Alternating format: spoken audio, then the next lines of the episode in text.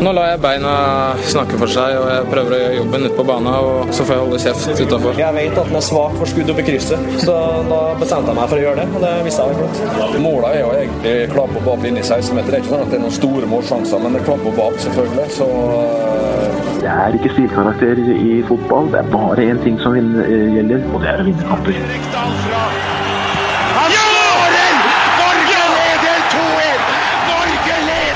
Og der er uh, toppfotball tilbake. Denne gangen så er det bare meg og deg som sitter her, Håvard. I hvert fall uh, foreløpig. Ja, men uh, vi har jo en kjempefin gjest som kommer. En stjerne. Ja, for, for, oss så er han kanskje den treneren som har gjort det best i Norge i år. Ja. ja. Luis Pimenta sitter på, på utsida her og skal snart inn. før det så kan vi jo kan vi jo kort uh, snakke litt om, om gå rett på pulsen med en gang. Sånn at vi får unnagjort litt uh, puls. Ta et par småtterier før Louis kommer inn. Ja. ja. Hvis vi Du er jo en, en svoren godsefan som uh, Jeg vil tippe at de som hører på denne podkasten, har fått med seg at du er glad i godset? Ja, jeg er jo Strømsgodset-supporter. Jeg unner alle å ha et norsk favorittlag, og Strømsgodset er mitt. Ja. De er, elsker jeg høyt, og er også ganske opptatt av. Også andrelaget deres.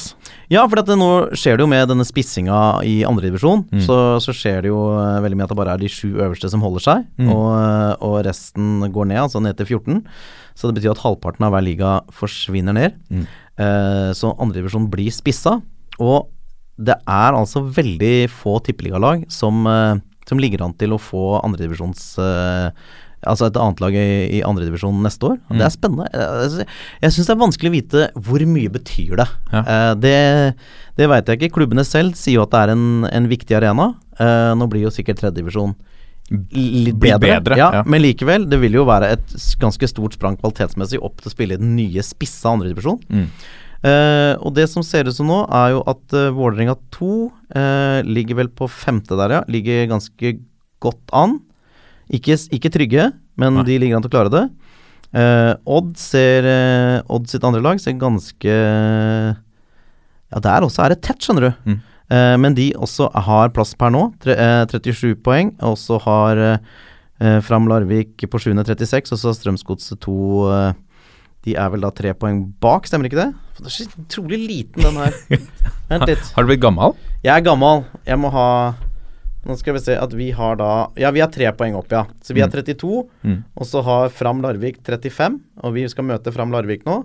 Og så er da Odd oppe på 37, så er det ganske tett. Så Godset har også en liten sjanse da til å, til å klare dette her. Men det er jo på ingen måte sikkert at vi klarer. Nei. Så, men altså, Rosenborg sitt andre lag, ganske fortapt. Molde fortapt. Uh, Stabæk blir vanskelig, og Tromsø sitt andre lag er ferdig. Uh, kommer ikke til å klare det. Så det kan altså da i verste fall bli ingen, men altså kanskje mellom ett og tre, da. Mm.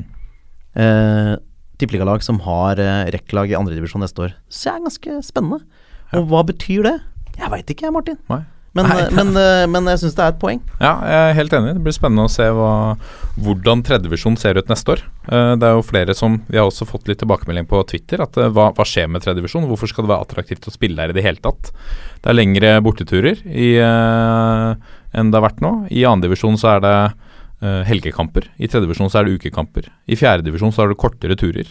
Mm. Det, er, det, er sånn, det, er et veldig skille mellom om du satser eller ikke. Det er veldig stort sprang å gå fra fjerde til tredje nå. Ja, det er klart det er vanskelig hvis du må, må reise lenge midtuke i tredje. Det er jo Ja. ganske få klubber som har økonomi til det, vil jeg tro. Ja, Så må du kjøpe fri spillere, da, Ja, kanskje. det er det jeg mener. Det er krevende. Skal vi gå videre til uh, han Per-Mathias sin uh, nye tropp? Ja, her han har tatt ut ny tropp, og det er jo eh, Hvem er det som er ute? Jeg så eh, Alexander Sødlund. Ja.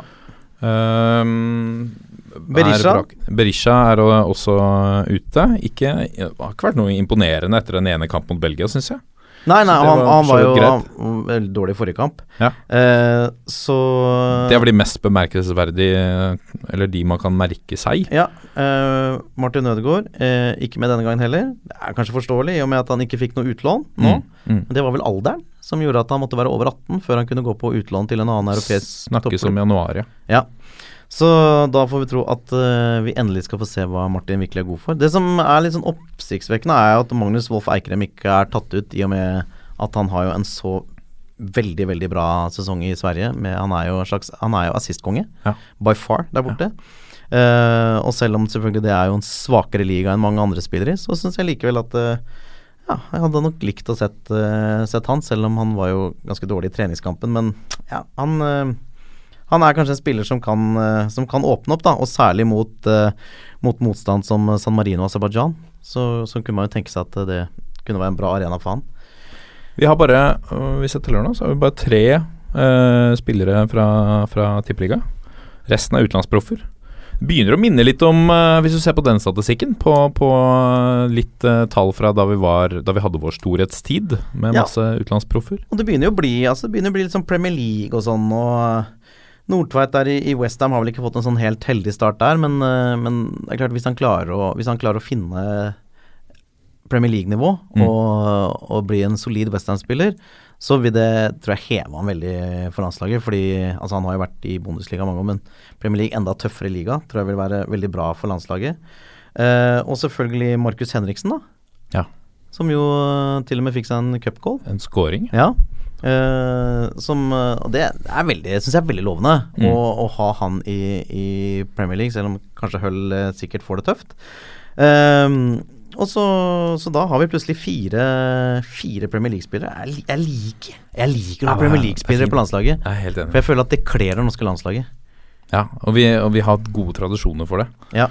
Uh, jeg har store forventninger til, altså, til de selvsagte her, men også Pål André Helland, som fikk, en, uh, fikk det fantastiske første landslagsskåringa mot, uh, mot Island på, Ja, det var, på Ullevål. det, det var klasse. Helt strålende. Eh, så jeg lurer på Pål André Helland. Han skal vel ikke være i Rosenborg neste år? Nei, han Altså For uh, landslagets del så trenger vi det, Han har gjort det kjempebra, er en god spiller. Mm. Men jeg tenker det er bra for landslaget og skadefri Pål André Helland, som spiller i en, eh, i en bedre liga. Mm. Det tror, jeg, det tror jeg er bra. Blir spennende. Vi, vi gleder oss, og det er vel lov å Vi må ha seks poeng her. vi må, Jeg skulle til å si det. Det er vel lov å forvente seks poeng mot uh, i de to neste kampene.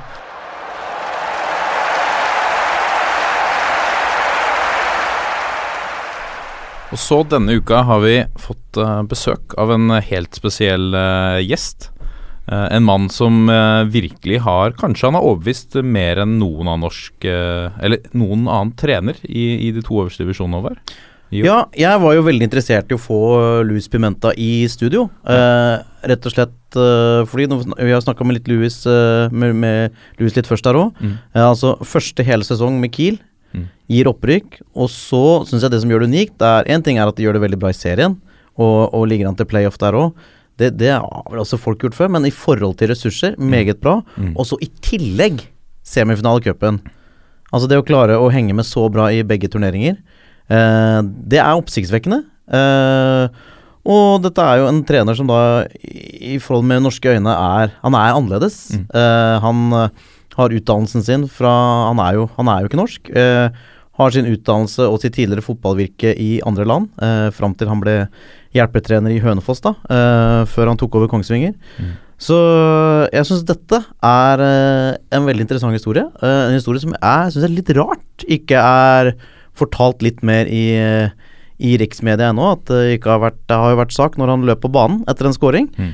og ble utestengt, Mm. men veldig lite om hva han egentlig har gjort for Ja. å få suksess. Og det syns jeg, sånn som norsk eh, fotball famler, så syns jeg at eh, denne type historier, de må fortelles, og de må vi høre på, og kanskje til og med prøve å lære av. Ja, absolutt. Og Det er en ære å ha deg med, Louis. Welcome. We're going to do the rest of the this bit on, on English. Yeah, thank you. Uh, it's nice to have you here. Um, we, originally, we were supposed to do this uh, yesterday, but uh, you couldn't. Uh, you couldn't make it. Why?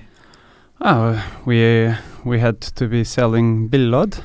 In- Billod? Billod. The lottery in Kongsvinger. Yes, it's. Uh, I I think it's important that everybody joins in, and uh, I'm uh, one of the best seller. Oh, oh, you're a good salesman as well? Yes. Uh, no, but of course I have an advantage compared to some because uh, the the fans there in Kongsvinger they they find it funny that I'm there. Yeah. But what I care is the results, and the results is we are selling. so if it helps the uh, marketing department, and I'm I'm more than happy to do it. Yeah, when you've good. been uh, in coaching staffs in other countries, have you been uh, selling the lottery there as well? Is No. unique for Norway. Yeah, I would guess so. Um, but this is uh, it's kind of the Norwegian ideal, I think. Um, But uh, I just want I just want to yeah. say ask one thing after we after we, before we go uh, go further on. Uh, you also talked about a new player of yours who was quite surprised of the the way of generating uh, money income. yes, he was. He was uh, for a player who had played the quarterfinal of Champions League at Santiago Bernabeu to arrive at Kongsvinger at 32 years old, a great CV, and then we tell him, "Oh, this afternoon we're gonna sell lottery." he, he thought it was a a, a prank because it's quite common to do pranks with new players. So he Yeah. thought it was a prank at the start, but uh, clearly not when we stayed there three hours in front of uh, several companies. It was it was funny to see him. but uh, tell us a little bit about your football background. Yes, uh, I have never played. Uh, I grew up in Luxembourg. Uh, there I played well, as any other kid, but uh, officially. But of course, the Luxembourgish league is is not the highest standard. Uh, then I left Luxembourg when I was 18 to go to university, and then I wanted to to go to university in uh, in Portugal in Lisbon. That that is that has a big name for producing football coaches. Uh, but, but how did you decide to become a football coach at, at that young age? Well, I decided actually at 15 years old because uh, I had a mirror at home that was telling me I was not going to be a football player. so clearly, clearly the mirror was honest enough with me. And uh, no, I when I had to sit down and think, okay, w- what what will you do in life? What's the thing that gives you most passion? And and it was football. Uh, then I I started thinking about my characteristics as a person, what I felt I could be good at, and uh, clearly the coaching, the coaching opportunity came, uh, or the coaching idea came, and then later on, the opportunities. So then I, since that university was was starting to be quite good, uh, producing big names for international football, uh, I was curious to go there, and uh, I'm I don't regret that decision. So um, then I was a five-year degree there, uh, and uh, I took also, and that was in sport methodology. And then I I took a three-year course in in England in Liverpool about sports psychology. I thought the two went together fine. Uh, it was a good complement for each other.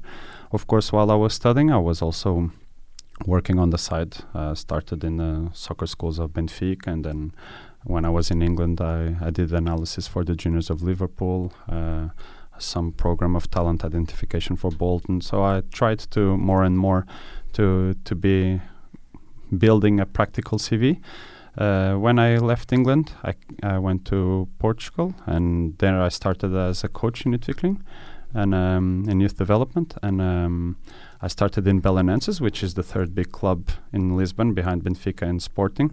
Um, and uh, I started in the academy that Carlos Queiroz opened in Lisbon. It was academy an academy of Man United, um, a partnership with Manchester United, Mhm. and um, so I had different age groups. But I was with both clubs at the same time since it it was not the same age. It was allowed by the federation. Yeah, but but um, when when, when they teach uh, when they teach to be a football coach in in Portugal in Mhm. university, uh, do they have do they kind of preach a special style of play or or how do they Not go about all. it? No, not at all. They they what they try is to for people to develop their own style, but then they they teach you how to take your style, divide it into smaller pieces, and then be able to teach those in an integrated way. Uh, so that's the main thing because we we had there is lots of Portuguese coaches which are lovers of direct football, but of course, since it's Latin football, people think that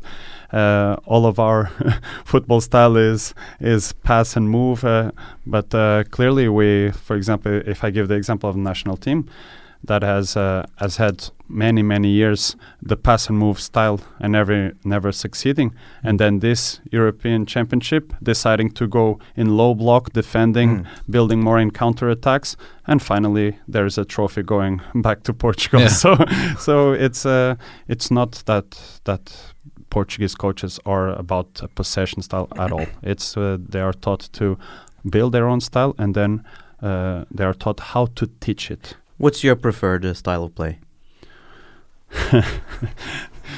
to be honest, I, I give freedom to the players to, to hit direct. I I give freedom to the players to pass short. I, I tell the players that uh, depending on the the players the opponent's behaviors, the some room has to be open, and I try to teach them on reading those spaces. Uh, I have no problem if we if if my central defender decides to play directly the striker mm, behind their defensive line, I have no problem at all. And uh, especially if we score, I will be celebrating it as if it was a move with 10 t- 20 passes. Yeah. But, um, but of course, the the players when we do the recruitment, the players we we hire are in order to be to be to be able to be competent in the different match pictures that can happen. So if there are some match pictures where we have to be low, and then we are low uh, or more direct. Uh, if there's match pictures where we have to where we can have the ball be more have a higher level of percentage in this, then we also have to have the players for that. So we we try to have um, a squad that is broad enough for for the different uh, styles and. Um, so far, uh, this squad this year and the squad last year has has worked perfectly. There, you have, if I if I summed it up correctly, you have eight years of football education, somewhat. Yeah. Uh, seven, because uh, when I applied for the three-year course in England, they told me I could start directly in the second. Because Ah, of the years I had in Portugal, they said many modules are like anatomy and physiology. Many modules are the same. Yeah. They they told me to start in the second level directly. So then I did two years there, even though it was three-year degree. Yeah, but in, in Norway, i that's not very common to have that long of a education uh, concerning only football. Uh, obviously, some some of the coaches have higher education, maybe in uh, uh, some psychology or or uh, some tactics. Uh, but are there is this very common in for Portuguese coaches to to uh, The practice? the course has been restructured. The university course in Portugal has been restructured from a five-year degree to a three-year degree Okay. af- after I had uh, left, um, um, because it it's a Bologna process where they want to all the university degrees to become three-year degrees. Um, but uh, I, to be honest, I think in five years, when you have lectures from eight to five, Yeah. I think you learn a bit more than in a UEFA course where you have one month, even though it's one month intensive. Yeah. It's there's a limit of what you can get through in a theoretical uh, background and practical background because we we had big emphasis on both uh, at university. We had the classes and then we went to the pitch and we we were also examining on how to to have the sessions and so with all respect to the UEFA course, a five-year degree uh, specific on training methodology, Mm. I, I think it gives a, a better preparation. Yeah, but how did you end up in in uh, in Norway and and Hønefoss? Yes, uh, I met um, two coaches. Uh, Leif Gunnar Smerud is now uh, under 21 national team, and uh, Pål Arne Johansen. Uh, now uh, he has been in Legia Varsavia with um, Henning Berg, Yeah. uh, and um, we I met them when I was studying in England through Håkon Lunov from Strømsgodset. And uh, we kept contact throughout those years. When I was working in Portugal, I came to sp- to have some presentations in the cup final seminar in November uh, through several years. And then when Leif Gunnar and Pål Arne started to work in uh, that was the 2011 season, uh, fr- uh, they invited me to join the, the coaching staff. And um I was, the project seemed interesting. I came here in the summer to see how they were working, also to see a bit what was the level, because I hadn't, I hadn't heard about Hønefoss before. Um, and I came and I liked the process they were trying to build up. And uh, so I came at the end of 2011 season, and and that was I only st- uh, came in October, and then the 2012 and 2013 seasons were in Tippeliga, and then they left. Yeah. So, um, when you, um, of course, you've just been in two Norwegian clubs with Hønefoss and and, and Kongsvinger, but um, when when you came to Kongsvinger, which was also uh, a club, I guess, uh, with a had a uh, Bergdenmo had been the coach, and um, and they, I guess they had Norwegian coaches before that, but. Did, did you start to change a lot immediately, and what things did you change? It's difficult for me to say what I changed because I didn't follow the process of the other coaches Mhm. before me. But uh, clearly, I think I, because I know that's that's the feedback I got from players and from staff that uh, that followed uh, uh, the rest of that season. Is that I had a, a more pedagogical approach. In a, in a first, our playing model was um, quite clearly defined in tasks, individual tasks, collective tasks. So. Um, so for them it was a lot of learning in the first months and they Mm. and they were not that used to to some such a emphasis on the pedagogical part and um, and to have um, I will not say strict guidelines because our playing model is also based in freedom creativity and we don't want to break that and if the guidelines are strict then it, it, it we you lose that freedom but uh, c- clearly the guidelines uh, that for the tactical aspects uh, were well defined from the feedback I got from the players, and and uh, they felt it was yeah good good development collectively, Mm. and we also defined individual development plans for the players, so so that they understood that one of our aims was also to bring young locals to to flourish and to one day take the step for higher divisions or or uh, hopefully abroad. Do you do you have high demands of, of do you demand a lot from from uh, from the players and from the staff? How do you, how do you see that uh, from your perspective? I I start by demanding a lot from myself. Yeah. And I think that motivates the people around to to demand also from themselves.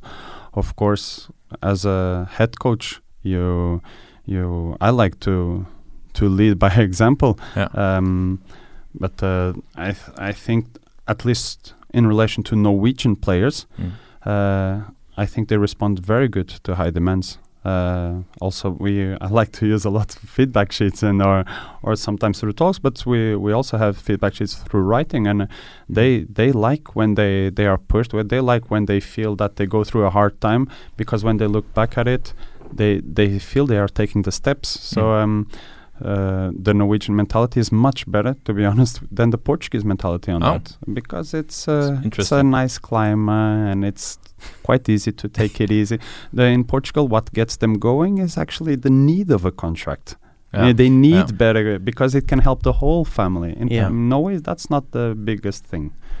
Uh, there's, there's not a big need because people have good conditions either way. Mhm. So uh, so it's more their own development. Uh, if we will, if we show them that we really care about them taking steps as individual and one day believe they can be in a higher position.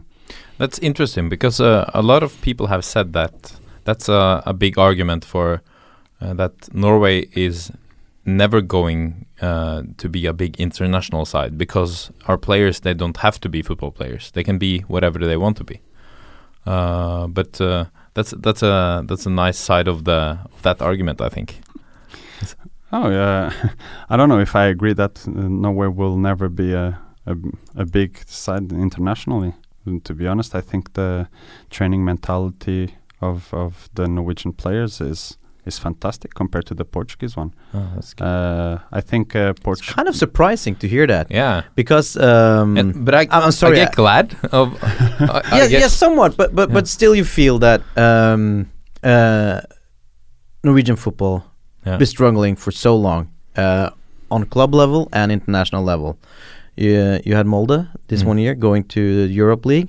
Apart from that, no one. And the international team never qualifies, not since '98, since 2000. I'm sorry. Um, so so you you kind of get the sense that something's wrong with Norwegian football, and I want to ask Louis that question: If the players' mentality is good, then what's wrong? To be honest, I think there's a lot of area around the player that I don't think uh, are appropriate. Uh, and I, I give you the examples from having been working in the youth development in both Hønefoss or or following the younger players uh, in Kongsvinger. I mean younger players, but still in um, Alag or or uh, the second team of Kongsvinger. Um, I think parents protect the players too much. Mm. So H- how how do they do that? well, first, when uh, I give you the example in Hønefoss, when um, when we when we presented to the um, to the parents the model that the playing time would be through merit. So they they depending on uh, attendance at training sessions, depend uh, depending on the hard work in those training sessions, b- depending on their own development. Uh, for many parents, it was quite of a shock. Okay, Mm. but my my son is part of the team. He should play as much as any other kid, Mm.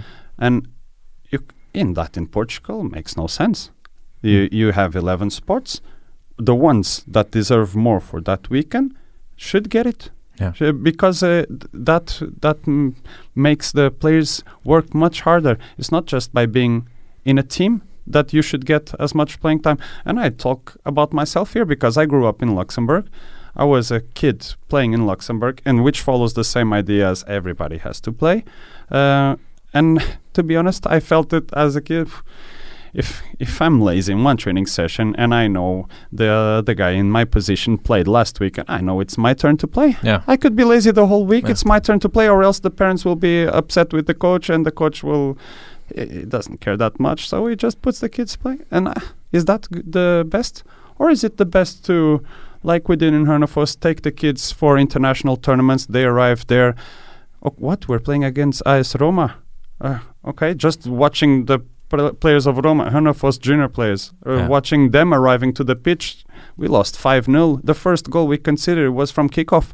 Yeah. We hadn't, we the first time we touched the ball, it was uh, 1-0 for them. it was picking the ball in our own goal and bring it to the center circle because we were watching the kids and the oh it's AS Roma and they Yeah. were playing with two international players and was, what is so it's I think those demands for them to feel that uh, uh, are good for them and the players respond maybe not on that day Mm. but okay then when we come back from that international tournament we have a preparation match against Vålerenga. Yes of course they respect Vålerenga Mm. but do, do, do they respect it as much as before playing against AS Roma? No a bit less. They they're a bit more. So it's they have to go through those steps Yeah. So the kids are all right, parents are stupid. I'll just make those notes. Thank you.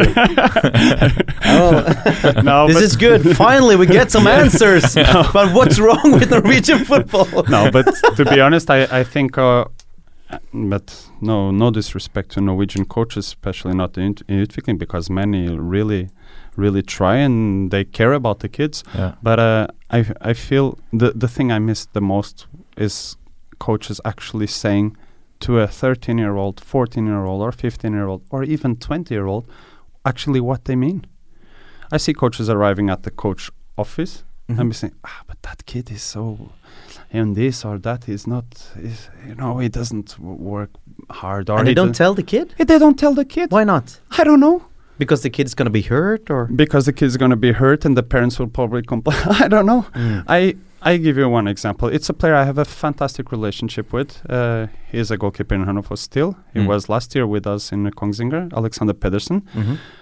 When I started, um, when I started to work in Hønefoss, one of the first training sessions, I thought he was having such. Uh, he was not there, No. you know, mentally. Mhm. Mm. And I told him to go home in the middle of the session. I said, Yeah. "Go home. I don't want you here." Mhm. And of course, the next day I had a complaint on the board and this and from from the, the mother in this case, which I also have good relationship now. it's not on that day. but uh, and the day I left Hønefoss, he wrote me a yeah a huge text saying that uh, sometimes I went home crying, Yeah. but after one year, two years. I, I cannot the, the difference I am as a football player Mm. it's because of that because people were honest with me after every match or sometimes in the start of the process i also like to do it after every training session to give feedback writing feedback Mm. and i don't give it to just this player or that player face to face i give it open to the group so everybody can read what i actually mean about each one of them so Yeah. because they need also to to to build that security i can take criticism in front of the whole group Mm. uh, I, I think that's very uncommon in Norway. I would think. Uh, uh, that that's. I'm not a coach, but I would guess that's not a very common thing to do in in the Norwegian uh, dressing rooms. I think the Norwegians in general we're not very. We don't like conflict. You know, we can Mhm. be we can walk away from conflict more more often than. Uh, People in Latin countries, I, I think that's uh, a cultural difference. Maybe Mm. I don't know what you think, Louis. Well, uh, the first thing is I I don't think a player can develop if or perform if he has a question mark over his head. Yeah. So whether they agree with me or not, to be honest, I don't care. I I care that they know what what my opinion is of him. Yeah. I I care that they know that. And okay, in 20 people, when I take a decision, I don't expect the, the 20 to agree with me, but I expect the 20 to know why I took a decision. Yeah. Uh, and I, I think that's important. In relation to the difference between Norway and Portugal, well, in uh, youth development in Portugal, you could get uh, a father coming to you with a knife in his hand asking, "Why isn't my kid playing?" so I Has that happened to you? Yes. really? yes. A guy with a knife? Yeah, but and the kid, to be honest, is a fantastic, is a really nice kid, but the father was just crazy. Yeah. But uh, but so I think the problem is there, no, but also because many kids in those in the best clubs in Belenenses in in youth development is one of the best, um, but you get also many many kids from the um, the Lower classes? Yes, Yeah. from uh, neighborhoods which are Mhm. not not that good, and sometimes the kids are fantastic, but the parents are crazy because for the parent, sometimes for the father, it means more that he becomes a football player than for actually the kid, Yeah. who is just a talented kid, likes to play with his friends, but he feels all that pressure. And for a father to come with a knife in his hand, that's Yeah. craziness. yeah, that's craziness. How has the club responded to the way you work and your demands? Well, if we look at the results we have been having, good. No, but I care mostly but I mean, the about people around. Yeah, uh, I care mostly about the feedback of of the players, uh, and the players they have responded very good because they f- they feel that there is a process that is thought about. It's not we arrive at the football pitch in the morning and we have a passing drill, a possession drill, we play, and then there's a finishing drill. And we do that month, uh, day after day, week after week, month after month. I, that I think then people switch off Mm. uh, when you actually present that we're going to work on this concept for the next week, uh, this concept in etablert angrep, this concept in uh, etablert forsvar, this concept in the transition for these two weeks, and then the next two weeks we're going to work on it so that you develop your playing phases from the general principles into more detailed principles. You, you from the broad guidelines into more detailed. So um, they feel they feel when you present a plan, okay, we start the preseason in January by April we will know this, this, this, this, and this, this. And sometimes you look, you sit down with them, and you in front of the team and say, okay, this is our how the things we have to do in the different phases. This is how I evaluate ourselves. So from the let's say ten guidelines in established attack. I put a color code, for example. Some are still in red, some are already green, some are in the yellow or orange, or, Mm. and okay, and it's still eight weeks left. We have to work on this thing, and they feel that there is a clear and then the analysis you do from the preparation matches and this has to be in accordance to to those guidelines here. So if they feel the the process on the pitch, the training, the the op- the tasks you give them, collective tasks, individual tasks for each match, and the analysis. If these three variables are working together, then they feel okay. This makes sense. If they believe in the process, then their their hard work and it, it's it's much better. It's uh, to be honest, uh, when I get questions about leadership, I I don't I don't think I it's I have anything about leader or this. I just think the players like the process, and then most cases of leadership then are solved by it uh, because the players like the way we work. So then the, the, there's no fights. There's no we have a nice group. So uh, I think when the pl- players really believe in what they're doing, it's everything becomes much easier. I, I think you quoted the, and I'm not sure if this is the exact right uh, quote, but uh, it's in Norwegian. Jeg bryr meg ikke om hva andre mener. I don't care what other people think. Uh, I think, yeah, I that think came in the newspaper. Yeah, I think so. yeah. Uh, Is that because are you? I sense that you're somewhat creating uh, a bubble that's uh, you and the players, and you you don't care about the uh, the things that go on outside that bubble. Is that That, to be honest, that quote is misinterpreted because the way it came out in the newspaper was not the way I said it. Okay. no, but um, the question was uh, if uh, if I thought I was arrogant, and I said, uh, well, if you're asking that, is because probably somebody told you that I was arrogant. So uh, I and I said I don't have time to actually think about these things. Uh, In so many fans, or I don't know if it was a fan, but uh, some people will have a picture of me, some other another picture. N- there is no coach that everybody will like, and I cannot care about the different pictures m- people make of me. What I care is the players, the and the process. That bubble you're talking about is not only me and the players, but all the rest of the staff. Are do we believe in what we can achieve together? Mm. Then we we work that way. I don't. If the people think I'm arrogant, or if the people think uh, I don't know other things about. Uh, I have I have my family, and I know what they think about me, so I'm I'm happy with that. Where do you see yourself in three years from now? Difficult question. Yeah.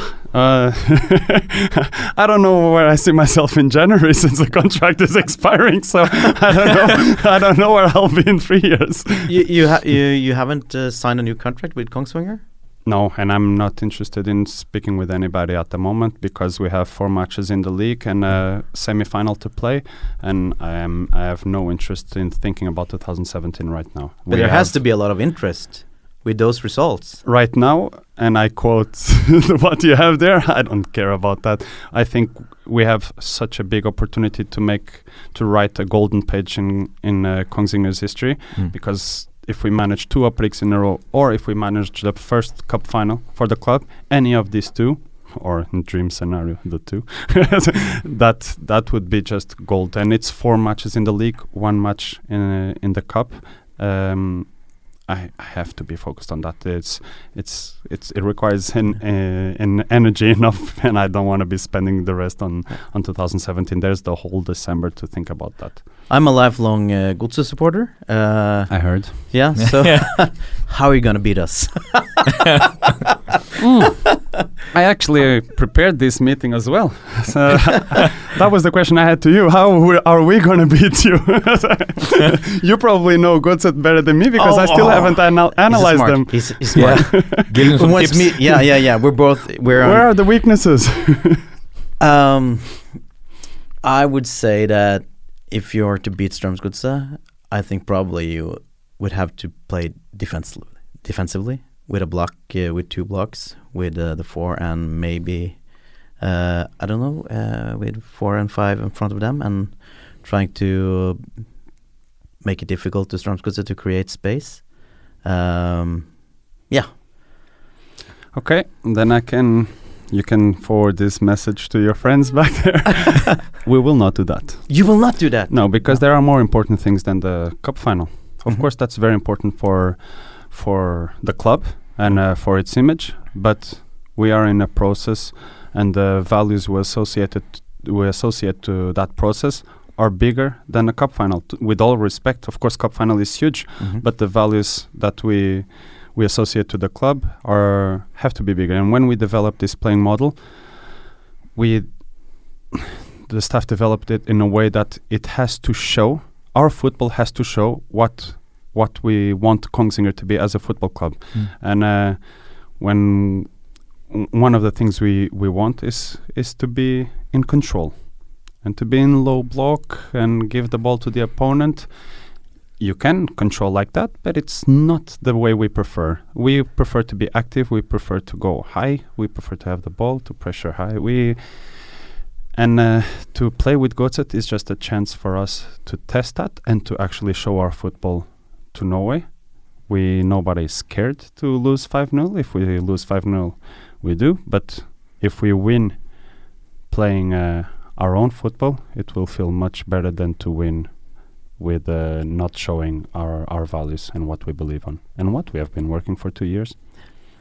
I I want to talk a little bit about uh, Norwegian football as well. There has been a, a great discussion in Norway now about why we're not uh, performing on international level, and uh, one of the aspects that has been in the in the debate has been the the use of artificial grass that Mm. that it creates a different kind of football and and that that we somehow play a, our sport is a little bit different than the sports that they're playing on the continent because of because of the surface. How how do you see that? Bullshit. It's bullshit. Why? Why? because I think we are not struggling to develop players in Portugal, and there's astroturfs all over the place.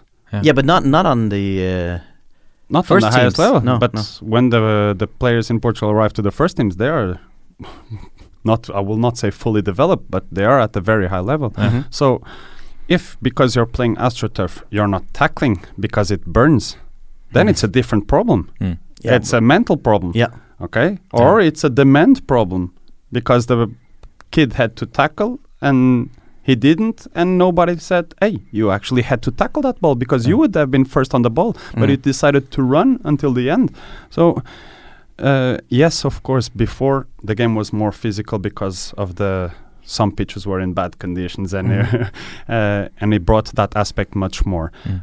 Now with AstroTurfs, it has created much more technical players, uh, young kids who are much better on the ball, but who are uh, maybe weaker in uh, in the du- duel play. Or, but to be honest, it's not the pitch; it's how we use the pitch. Yeah. I- and this is my honest opinion. Uh, Mhm. it's. Uh, it's I I in Belenenses we had AstroTurf. We have produced players for the national team of Portugal, Mm. and it was AstroTurf throughout uh, uh, the whole youth development. Yeah. And national team of Portugal is not a, such a bad level. They won. European champions. A very good level. Oh. So so um, d- b- being with a Portuguese mother, German father. No, the opposite. Oh, sorry. German mother, Portuguese, Portuguese father. father, grow, growing up in uh, Luxembourg. Is, Yeah. is is Portugal your wh- which which which country do you support? Actually, I had to choose passport between uh, those two and Luxembourg passport. Uh, um, I went for Portugal because I always felt Portuguese, uh, Mhm. even though while growing up, I was at certain point better at speaking French than Portuguese. Yeah. because when you live, when you grow up and you're living 15 years in a row far from Portugal, even though I had classes in Portuguese and this, it was a European school, Mm. but um, I always felt more Portuguese. And uh, um, when we went on holidays, it was to Portugal where I had my grandparents and uh, my cousins and this, so I always felt more Portuguese. How did you feel during the finals in the European Championship this summer? Well, the final was quite funny because Kongsvinger played against Åsane. Mm. So, but we played at six o'clock in Kongsvinger. Ended up at eight o'clock, and the match, the final started at nine. Yeah. But after eight, there was the interviews, and then we have um, a concept called Nachspiel. So that it's half an hour. We have some guests, and after the match. Mhm. So I actually, with my girlfriend who came and see the match, um, um, she's Norwegian. Mhm. Um, we left Kongsvinger at nine o'clock when it was kickoff. So we s- turn off the radio in the car, we turn off the mobile phones, and we had the match recording at home. Oh, really? So we drove. I arrived, I think, ten thirty at Yeah. home, Uh. f- uh, driving from Kongsvinger. I live in Oslo, so uh, ten thirty.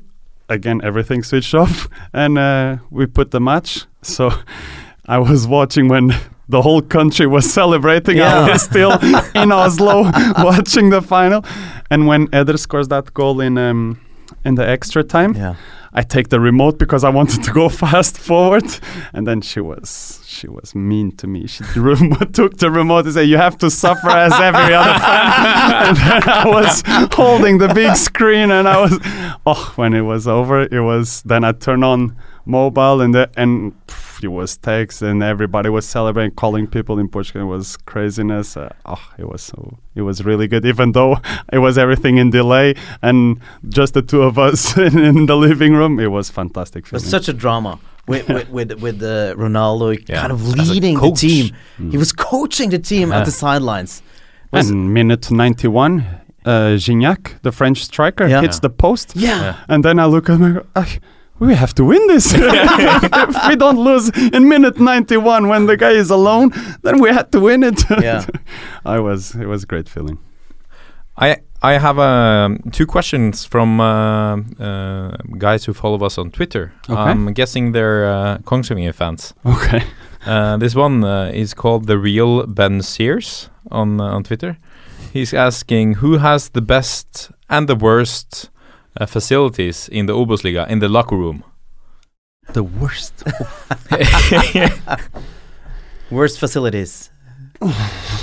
You have the possibility now to make it better for the next time you come there. But Like- to be honest, the guys that have the worst, they have to know it. They, it's so bad. but you have to give us a club. oh, do you remember any any away match that was the locker room was? Arsenal, Evanger.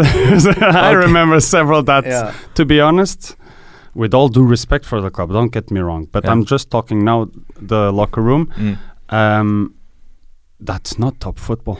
Okay. So I think sometimes it's better to sacrifice one player. When I mean sacrifice one player, I mean to hire one less player for the next season Yeah. and invest that money in making the locker room better. Yeah. Uh, w- it's uh, it's just I went to Kristiansund some years ago, still in. I Mm. think it was 2014. The locker room was terrible, Mm. and now I went this year. It was fantastic facilities. Yeah. So okay, uh, make sure you use your resources to develop the club, and only thinking the team for that specific year. Mm. One player less, and the salary for the whole year, and you can have a good locker room uh, for the home team, a good locker room for the away team. I I think that is much more important for Norwegian football. We cannot have teams in top football because the top divi- the top two divisions is top football, Yeah. and having yeah conditions that are not good enough. No, because it's a it's a room that you spend a lot of time, Yes. so it's uh, it affects your everyday. yes. Uh, Who has the best facilities? Mm. I don't know. It's, uh, f- I, d- I think the best facilities. I had to then check the home team locker room, but uh, Sandefjord facilities uh, looked, of course, uh, it's quite new the stadium. yeah, Yeah. quite interesting. Um, and uh, from the last time I had been to this time, um, they have also added something that costs nothing, but it's graffitis on the wall with Mm. with some uh, catchphrase or some um, Mm. powerful um, images. And that costs nothing. You Yeah. just you find some street artists that are willing to to help with that and uh, help the club and uh, and and of course you have to pay the spray they use. but, uh, Yeah. but okay, but that that helps a lot, and uh, I think they have they have good conditions, uh, and uh, it's a place where we won, so it has also good memories. I have another question from Geirman at Twitter.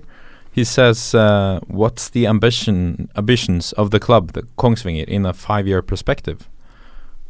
well, when uh, I started at the club, the when we had the meeting with uh, we we meet uh, yearly with several people of the administration uh, Mm. and um, and with all all the players uh, involved, and uh, we talk about our long-term plan, medium-term, and um, one of the the aims, long-term aims, was to um, to to be in the top 20 in Norway, um, and b- back then we were in uh, second division, Yeah. uh, so third level. Um, now we are in fifth position, so we are actually number 21 Yeah. in Norway right now, and it's uh, two two seasons past, and we are top four in the cup. Yeah. So um, that was the main aim. Of course, if we can bring such a club that is historic for Norwegian football back to the top level, that would be great. If we can manage to establish the club in the top level, or at least in those top 20, that means when you don't manage one year to stay in the top le- level, you stay high in the second Mm. highest level, Yeah. so that you like Sogndal is doing. Is, they have a, a kind of a uh, similar uh, way of seeing it. They want to be top uh, top twenty, something like that. Yeah. Yeah, every year. if yeah. if we can do that and because that that now we're talking result uh, aims but if we can do that and at the same time renew the facilities re- because when you're at Gjemselund the first time I went at Gjemselund it was not I, I was not working for Kongsvinger uh, I went there and one thing that I liked a lot was the the charisma it had because Yeah. the the supporters around me I saw supporters from every age and some of them really old because of the glory it had in the 90s and Yeah. and uh, I like that but now it's important that we manage to hold that charisma renew the fan base Mm. and renew the facilities so that we we can uh, we can be really strong and facing forward Mm. not it's good to have that strong history we cannot only be focusing on on the past we have to bring it forward and that's what we have been working hard to do We're uh, we're going uh, gonna round up a bit, uh, but uh, you have an important game uh, on uh, this weekend against uh, Raufoss. Yes. Yeah, and you lost uh, the the last match now against Levanger. Uh, Mhm. and against Raufoss, you are you are the favorites. They're uh, second last, I think. I think Uh, they're already down, yeah, I think yeah. they're already down. What uh, basically. how do you how do you prepare for a match like that in, in compare to if you compare to one of the top teams? Do you make different preparations? Actually, our record against the top teams has been much better than against the bottom teams Okay. this year. Um, but um, I think this week, I don't think there's much to do in relation to motivation because the players are quite upset from the defeat against Levanger. Yeah. Levanger came with, came to Gjemselund with six defeats in a row. Uh, we were in the hangover from uh, not alcoholic speaking, but uh, Mm. uh, emotionally speaking, Yeah. from the cup match. Uh, very tired in this, but now Raufoss come uh, is at home with five defeats in a row, Mm. and uh, they they will fight for for their pride, and they will fight because this is the match actually where they can be, as you say now they are down. They are not mathematically, but yes, mentally Basic- it's yeah. very tough for them right Mhm. now. Mm. Um, we we have that advantage because we are fighting for something which is qualification to Tippeliga, Mm. and that of course you don't have better motivation for that uh, than that for the players. And uh, and on the other side, there's a team that is quite hurt, but at the same time, they have nothing to to lose. They have nothing to fear. Some of the players are playing for contracts for next year, either renewal there or finding other club because if Raufoss goes down, they want to stay maybe in top football. So they have nothing to. So they they will they w- will not be scared to come up, to pressure, to play, to to dare. So it's it's not as easy as it looks, and so we we will have to be at the top to to get the victory. Yeah. It's uh, it's going to be uh, very exciting to follow Kongsvinger in the end of the season and in the cup as well. Yeah, and it's going to be very interesting to follow Luis Pimenta as well to see which club he manages next year. Yeah. Uh, I'm intrigued. I'll be- Don't be get me wrong, I'm very happy at Kongsvinger. Yeah, yeah, yeah, yeah, I, I know, I know, but you still haven't signed a contract, so uh, so we just have to speculate, I guess. Um, But uh, no, it's been really nice having you. yeah, you. thank you so much for coming. Thank you for the invitation. so much, and uh, and uh, good luck to you. Of course, the semifinal. It's a great achievement already. So I guess maybe you have to settle. we are not we are not pleased with that. we have done it four times before, so this is the fifth time Kongsvinger is in the semi-final. If we can do for the first time a cup final, I can assure you the boys will be until the last minute giving everything. everything. Strømsgodset has never lost a semifinal. I know, I know. All right. I know, but there's a first time for everything. yeah, yeah. yeah. Thank you and good luck this weekend against uh, Raufoss. Thank you very much. Thank you so much.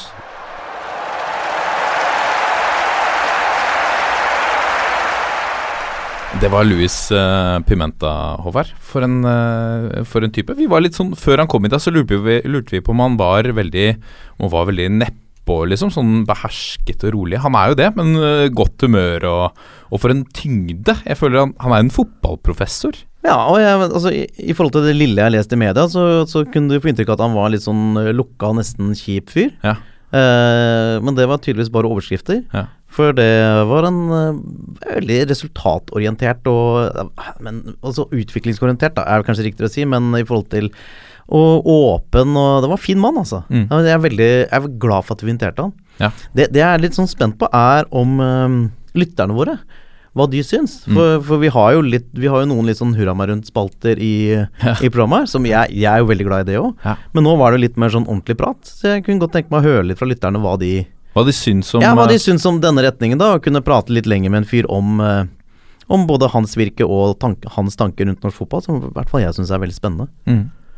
Og det mm, Vi får jo håpe at han, han blir i dette landet. Eh, I hvert fall litt uh, lengre. Nå er det en kontrakt som går ut. Så det blir spennende å se hva han eh, Han om- er ikke der neste år, vet du. Nei, Når han ikke har signa nå. Nei. og han vil ikke snakke om det og Nei, jeg tenker det er bare å kjøre i gang spekulasjoner. Hvor er Luis Pimenta neste år, tenker jeg. Da kaster jeg ut Lillestrøm.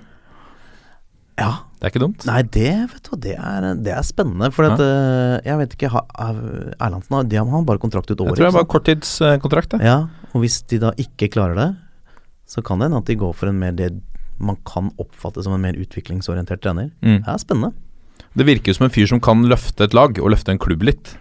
Og det er kanskje litt det Lillestrøm trenger akkurat nå. Er uh... Ja, så er han jo en veldig opplagt virker som en veldig sånn moderne fotballtrener og en liksom moderne menneskebehandler. mm. Uh, og, og det går jo en litt sånn interessant skille der, uh, uten at jeg er i så mange norske garderober, men i, i forhold til hvordan coaching er, i Mm. forhold til hvordan man eh, behandler eh, enkeltspillere og, og, og, og utvikler både spillere og mennesker. Da. Ja. Det er spennende. Det er veldig spennende. Vi, eh, som Håvard sa, vi vil gjerne høre fra dere på hva dere syns om hvilken retning skal vi ta. Ønsker man mer baluba og hurra meg rundt, eller Ah, litt hurra rundt, Vi men må vi må, humør. åpne for dette her, òg, føler Ja, jeg. jeg er helt enig. Når eh, anledningen byr seg, som du gjorde nå, Ja. så må vi åpne for det. Uansett, vi er uh, toppfotball på Facebook og Instagram og Twitter. Uh, og Snapchat, uh, det er Håvard Lilleheis 2020-mål. At vi kommer dit, eller? Ja, men vi kan bare vente med Snapchat. Eh, For nå leste jeg at de utvikler en sånn ny greie at man skal ha på seg sånne briller. VR-briller? Ja, så at uh, det nåværende Snapchat, det, det, synker, ja, okay. det syker som en stein, Martin. Det er allerede er omtrent Ja, ok. over, det. Ja. Vi bare vente på brillene, ikke- og skal, når, når brillene kommer, da er jeg forberedt. Jeg trodde jo det var du som ikke hang med på teknologien, men du er jo i høysetet her. Det er Snapchat som er bakpå. Ja, ja. Følg med neste uke. Takk for at dere hørte på.